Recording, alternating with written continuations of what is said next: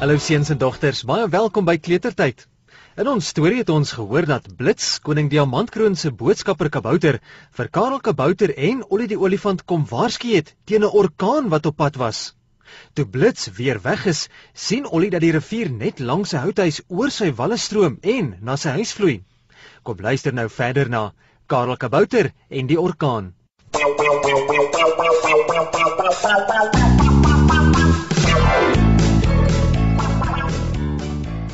Ollie die olifant storm na sy houthuisie se voordeur en hy pluk dit oop.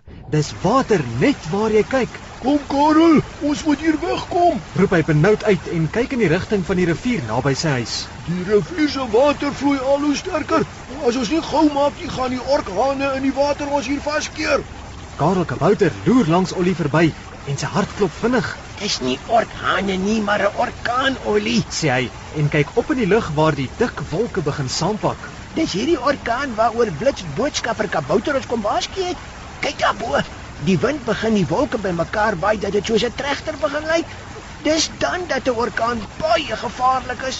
Ollie die olifant kyk na waar Karel wys en hy frons kwaai. Dit raak nou baie gevaarlik, Karel. Sê hy en skud sy kop. Daar's nou nie net orkhane in die water nie, maar ook 'n orkaan daarbo in die lug. Wat gaan ons doen? Karel weet dat daar nie nou tyd is om vir Ollie die regte woord te leer nie. Hy sal dit maar later doen, want vereers moet hulle hier wegkom. Kom, Ollie, ons moet hardloop. Roep hy en skuur by Ollie se groot lyf verby en hardloop deur die water na die bospaadjie voor hom. Ons moet by die skuilplekke van koning Diamantkroon se paleis uitkom. Dis alwaar die orkaan ons nie kan tref nie. Ollie trek sy houthuisie se deur toe en begin koes koes agter Karel aan hardloop, bang dat die orkhane hom dalk kan aanval. Die rivier se water het nog nie tot by die bospaadjie gevloei nie, maar die wind waai baie sterk sodat Karel en Ollie met alle mag vorentoe moet beer. Ollie sien dat Karel moeg word en hy tel hom op sy groot skouers. Kom Karel, ek help jou. sê Ollie en trek sy lyf krom soos hy teen die wind instap. Ollie haal swaar asem. Die wind waai al hoe sterker. Klou vas Karel, dat jy nie afwaai nie. Hierdie orkaan gaan ons nie keer om by koning Diamantkroon se paleis te kom nie. Karel Kabouter knyp sy oë toe teen die wind en skud net sy kop omdat Ollie nog altyd dink dat die orkaan 'n orkhaan is. Hy hoor hoe die wind deur die takke van die bome waai en weet dat die orkaan nie meer ver is nie.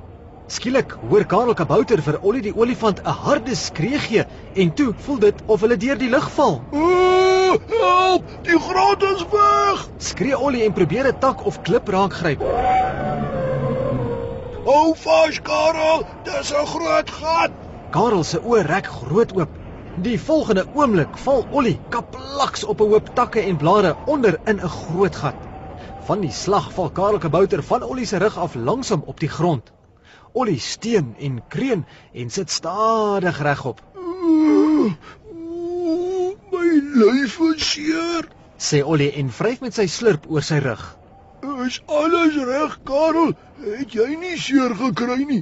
Hy staan op en stap na waar Karel in 'n hoopie eenkant lê. Karel Kabouter kreun en rol op sy een sy. Ek dink ek is net 'n bietjie wind uit, Ollie. Sê Karel en probeer regop kom. Gelukkig was hier darm baie takke en blare in die gat. Anders het ons dalk baie seer gekry. Ollie help vir Karel regop en hy kyk om hom rond. Bokant hulle koppe waai die stormwind al hoe erger. Wie sou hierdie gat terug in die bospaadjie gegrawe het, Karel? Sê Ollie en druk teen die kante om te sien of daar nie vashou plek is om dalk uit te kan klim nie.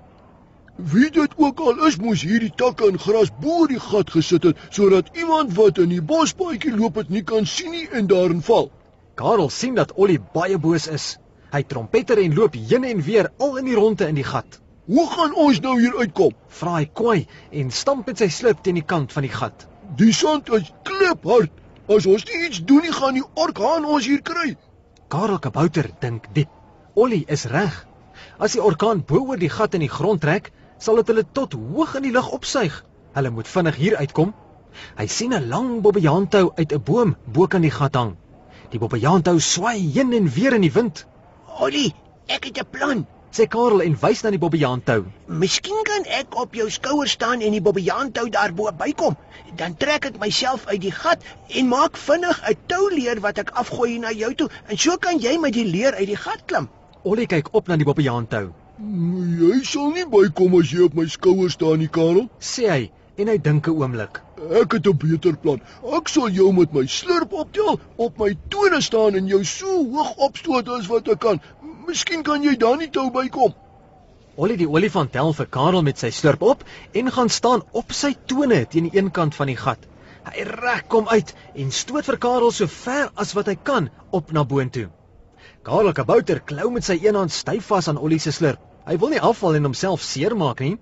Met die ander hand gryp gryp hy na die bobbejaantou wat bokant sy kop rond swaai. Stoot nog 'n bietjie hoor, Ollie. Roep Karel en skuif tot op die punt van Ollie se slurp. Uh, die tou swaai so baie dat ek sukkel om dit te gryp. Uh, nog so 'n bietjie stoot, nog so 'n bietjie Ollie. Uh, Ollie probeer nog hoër op sy tone staan en knars op sy tande. Ek kan amper nie meer nie, Karel. Roep hy en gee 'n groot stoot met sy slurp. My tone kry al seer. Gryp die tou nou. Karel Kabouter sien die tou in die wind terugswaai na hom toe en gryp vir al wat hy werd is. Hy voel die bobbejaantou in sy hand. Hy los Ollie se slurp en swaai heen en weer aan die tou oor die gat. ek het die tou, Ollie. Roep Karel bly uit. Ek moet net wegswaai van die gat af, dan maak ek die touleer vir jou om uit te kom.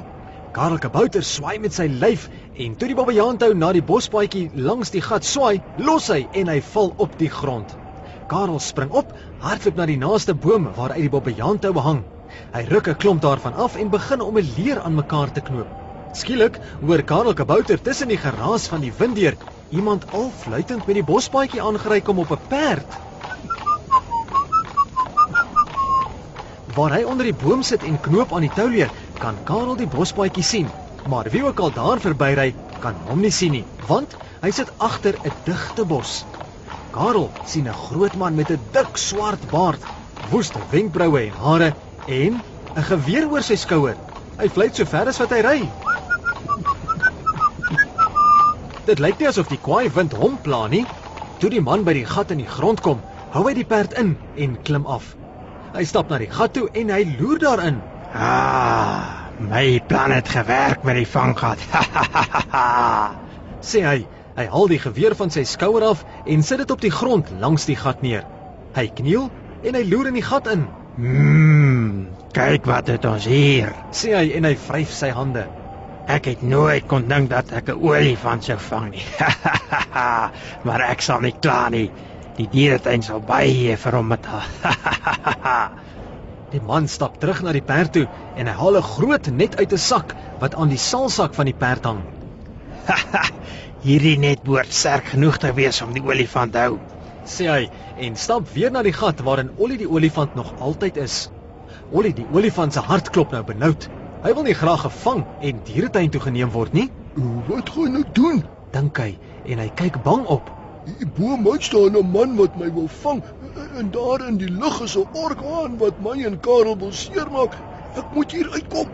Ollie hurk op sy voete om te kyk of hy nie dalk uit die gat kan spring nie. Maar die volgende oomblik val 'n groot swaar net oor hom. Hy hoor hoe die man lag. ek het jou olifant. Ek gaan die net aan my perd vasmaak en jou uit die gat trek. Dan is dit dieretuin toe met jou.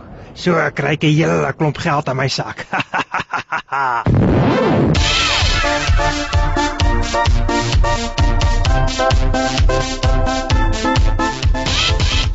Wat gaan van Ollie word?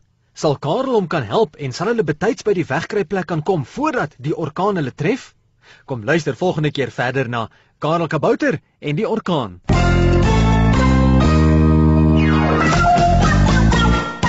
Liewe maats, ons lees in die Bybel in Spreuke 17 vers 17. Op 'n vriend se liefde kan jy altyd reken. Jou broer is daar met die oog op jou behoud. 'n Goeie vriend beteken sommer baie. Jy kan daarop reken dat hy of sy help waar jy in die moeilikheid is. En weet jy, die Bybel leer ons dat ons beste vriend Jesus is. Hy hou jou en my hand vas elke tree wat ons loop, want hy het ons lief. Ek groet tot volgende keer. Totsiens.